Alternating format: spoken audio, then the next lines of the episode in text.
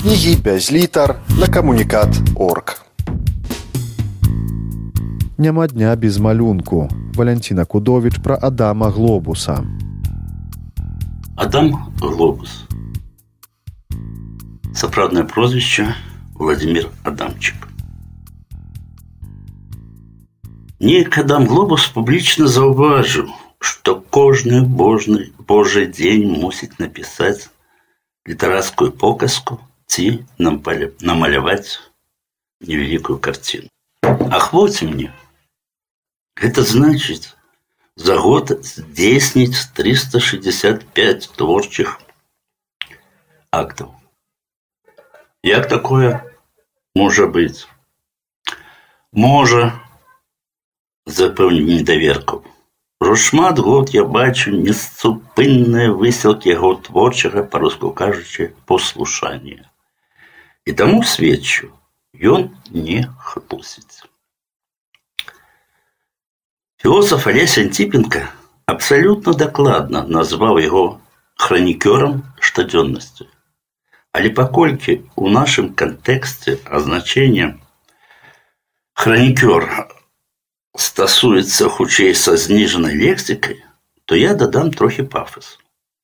Унікальны хранікор штодзённасці. А яшчэ ён нестомны партрэтыст. Пензлем, алоўкам да словам Адам Глобус стварае сотні і сотні партрэтаў сучаснікаў і сучаснікаў. Пра апошніх у яго ёсць нават цэлая кніжыца, і яна называецца сучаснікі. Між іншым, некалькі разоў і я патрапляў пад ягоную з'едлівую оптыку. У выпадку з Адамам глобусам нам не абысціся без хаця б скарочана пераліку ягоных талентаў. Мастак, паэт, празаік, эсеіст, інтэлектуал, бізнесовец, выкладчык беларускага калегіума, стваральнік уласнай школы маладого літаратара і персанальнай літарацкай прэміі залатая літара. Пахвалюся. Я таксама меў гонар яе атрымаць. Але бадай самы нечаканы з яго заняткаў знітаваны са смерцю як такой. У 2015 годзе ён быў абраны старшынёй менскага грамадскага аб'яднання каліварія. Паколькі я жыву непадалёку ад гэтых знакамітых могілак, то прамінаючы іх з усмешкай згадваю Адама Глобуса. Відаць, Ніхто з беларускіх літаратараў не можа пахваліцца роўна вялікай экзатычнай пасадай. Пры ўсёй размаітасці творчых справаў, якімі Адам Глобус ні на хвіліну не спыняе займацца, эстэтычна ён неверагодна цэласны. Відаць, найперш таму, што ў паставе яго слова і малюнка аднолькава абапіраюцца на графіку. Але на гэта мала хто звяртае ўвагу, бо кожны яго творчы акт ёсць выклікам чытачу, гледачу, грамадству, да того ж забяспечаным мысліўным мысліўнай эўрыстыкай. Дарэчы, з гэтай сваёй публіцыстычнай нестрыманасці ён часто крыўдуе вядомых людзей. Што можа меж другіх заслугоўваць крыўды. Ян Кабрыль, Станіслав Шушкевич, Владимир Некляев, Леонид Дранько Майсюк, шматлікія другія.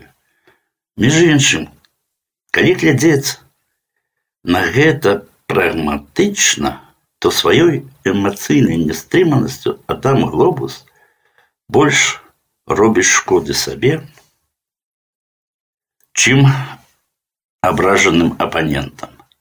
Бо яны сваёй шматлікасцю атачілі яго глухой моўчай. Але вернемся да ўласнай літаратуры. Натуральна, у Адама Глобуса была заважная роль у фармаванні новай літаратурнай сітуацыі на пачатку 90-х гадоў мінула стагоддзя. Сёння ўжо нават немагчыма ўвіць сабе, што айчынная літаратура на той час лічы не мела гарадской прозы, паэзіі, паўнавартаснай эсеістыкі. Да чего яна толькі тады не мела. У вялікіх гарадах яна па-ранейшаму заставалася вясковай літаратурай, што праўда багатай і разнастайнай. Але актыўная урбанізацыя рашуча запатрабавала іншага кшталту. Найперш разняволенне мовы, новых формаў, забароненых раней тэмаў і праблемаў. Сярод разнастайных адсутнасцяў я вылучу бруталізацыю і стексуалізацыю літаратуры. Бо роля Адама Глобуса тут выключная. Акрамя ўсё іншае на гэты тэмант. Тады ён надрукаваў дзве кнігі дамавіка Мірона. Дзе аголеная да апошняй да апошняя сексуальнасць бясконца рухала схопленымі жарсцю целамі. Да таго ж усё гэта нашэсце бессаромнасці было падмацаванае адпаведнымі малюнкамі, зробленымі глобусам як мастаком. Для ўсё яшчэ цнатлівае беларускае грамадства гэта было неверагодным узрушэннем. Як я ўжо казаў вышэй, творчы наробак Адама Глобуса настолькі размаіты, ёмісты і значны, што агулам няма сэнсу яго нават кранаць, бо тут і важкай манаграфіі не хопіць.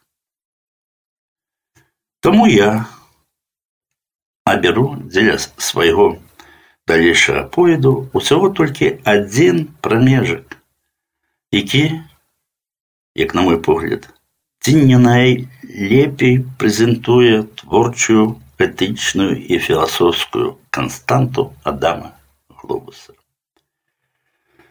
Назовем гэтае месца на ўзбоч дамавіка Мірона.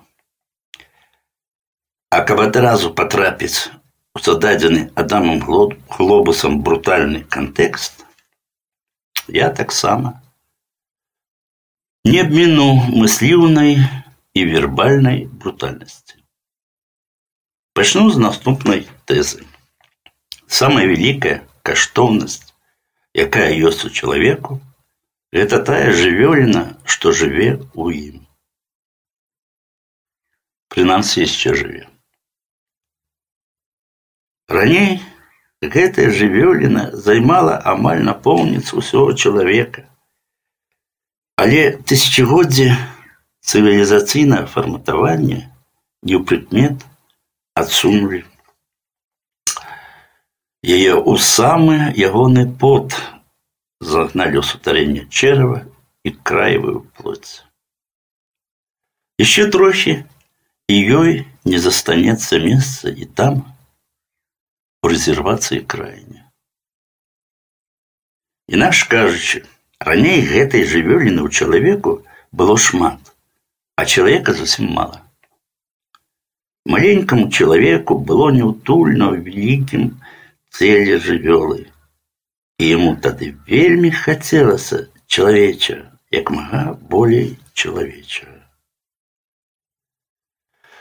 Спакойна чалавек атрымаў тое, аб чым мрою. Але за жаданым не заўважыў, што разам з тым ён страціў. А страціў ён тую магутную жывёліну, якая несла яго скрозь тысячагоддзі небыцця во ўсё новае быццё. Хто панясе чалавека далей ужо скрозь іншыя тысячагоддзі? Тая распешчана выгодамі цывілізацыі жывёленка, што яшчэ неяк знаходзіць сабе трохі месца ў чалавечай плоці. А, але калі не яна, дык што іншае. Вось чаму нават гэтае анемічнае стварэнне цяпер пачынае выяўляцца для чалавека больш каштоўнасцю, чым усё уласна чалавечае.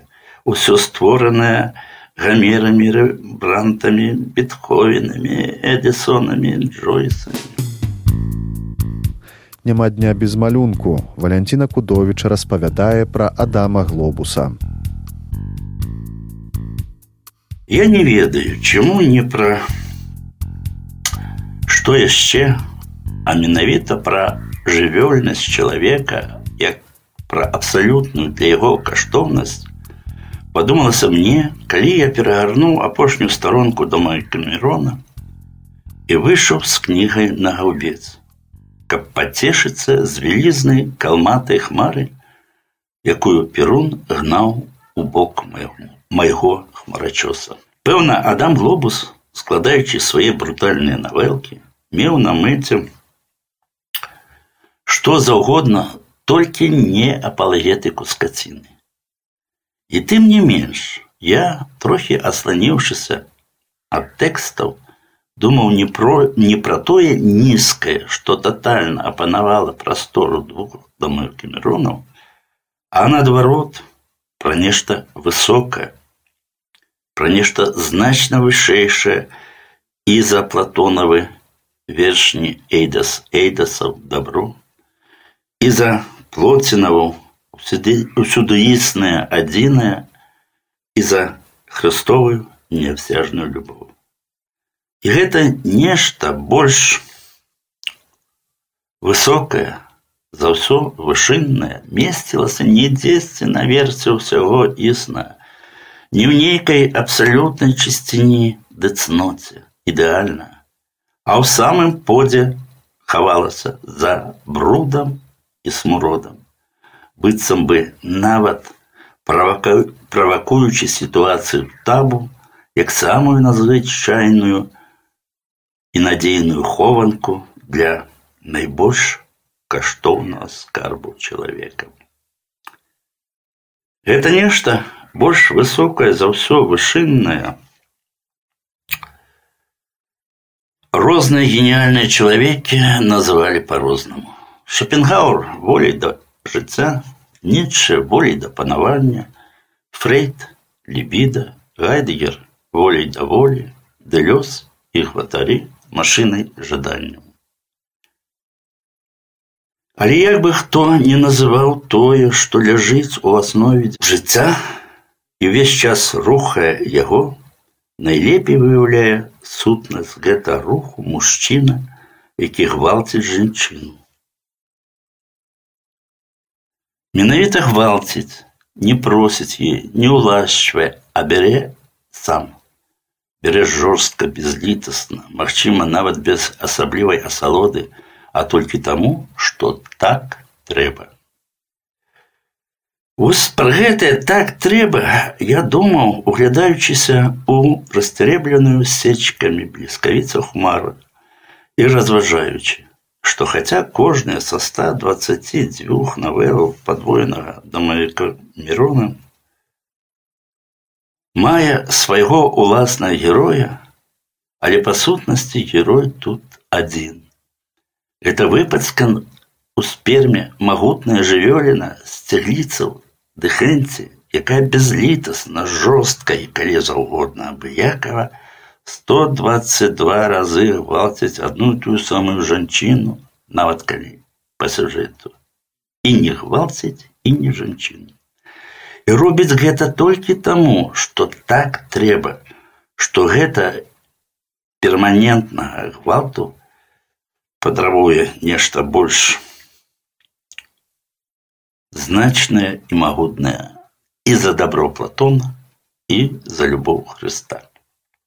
Мужчына гэта пераду, перадусім дадатак да свайго чэлеса. Пра сваю ролю як дадатку да Челеса ён даведаўся даўно. Аднак гэтае веданне яму настолькі было недаспадобы, што ён яго не толькі затабуяваў, але на гэтае табу яшчэ панаскідаў безліч адмысловых міфаў і самых розных прыгожых словаў кшталту эрас, любоў, каханне ды іншых вытанчаных прыдумак, каб толькі ніхто і ніколі не даведаўся праўды. А калі ў гэтым цвілым рызі і спрахнелым ламачы нехта наважваўся поркацца, каб пацікавіцца, што там спады споду, дык адразу ўшчыняўся несусветны гвалт, не руш святыні. І так было, пакуль не знайшоўся чалавек, абыякавы да ляманту. Звали того человека Зигмунд Фрейд. Цитую. Любовные инстинкты по сутности з'являються сексуальными помкненнями. Большая частка интеллигенции успрыняла такое мино, як образу и отплатила за это тым, что попаркнула психоанализ у пансексуализме. Хто лічыць, што сексуальнасць утрымлівае ў сабе нешта брыдкае і прыніжаючае чалавечую прыроду, хай ужывае больш шляхетныя назовы эрас, эротыка. Я мог бы сам гэта зрабіць ад сама пачатку. І тады пазбег бы шматлікіх абвінавачанняў. Аднак я не хацеў гэта, бо па магчымасці унікаў патурання ўласнай слабасці. Нельга наперад ведаць, куды завядзе гэты шлях, спярша саступаюць у адносінах слову, а затым паступова і стасоўна сутнасці. Я не бачу якой-кольвік заслугі ў тым, каб саромецца з сексуальнасці. І напрыканцы заўважу, хто мае цярпенне чакаць, таму няма патрэбы улагоджваць канец цытаты.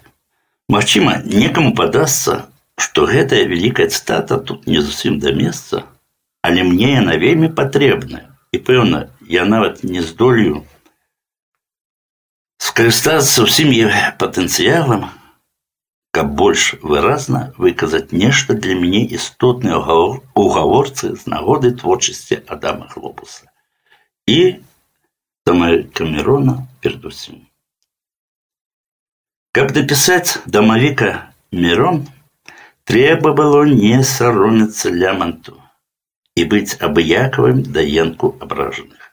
Гэтак па-першае. По-другое, у абсалютнай бальшыні навелы глобус гэтаксама як і фрейд мог бы змякчыць нейкія словы, іншыя памяняць на больш далікатныя ці абысціся эфемізмамі, а лішнюю брутальнасць сітуацыі загнаць у падтэкст, укласці ў шматзначныя паўзы, урэшце абмінуць. Яка Абмінала гэта ўся беларуская літаратура спакон веку. І тады мы мелі б два зборніка звычайных навелаў. Але Адам Глобус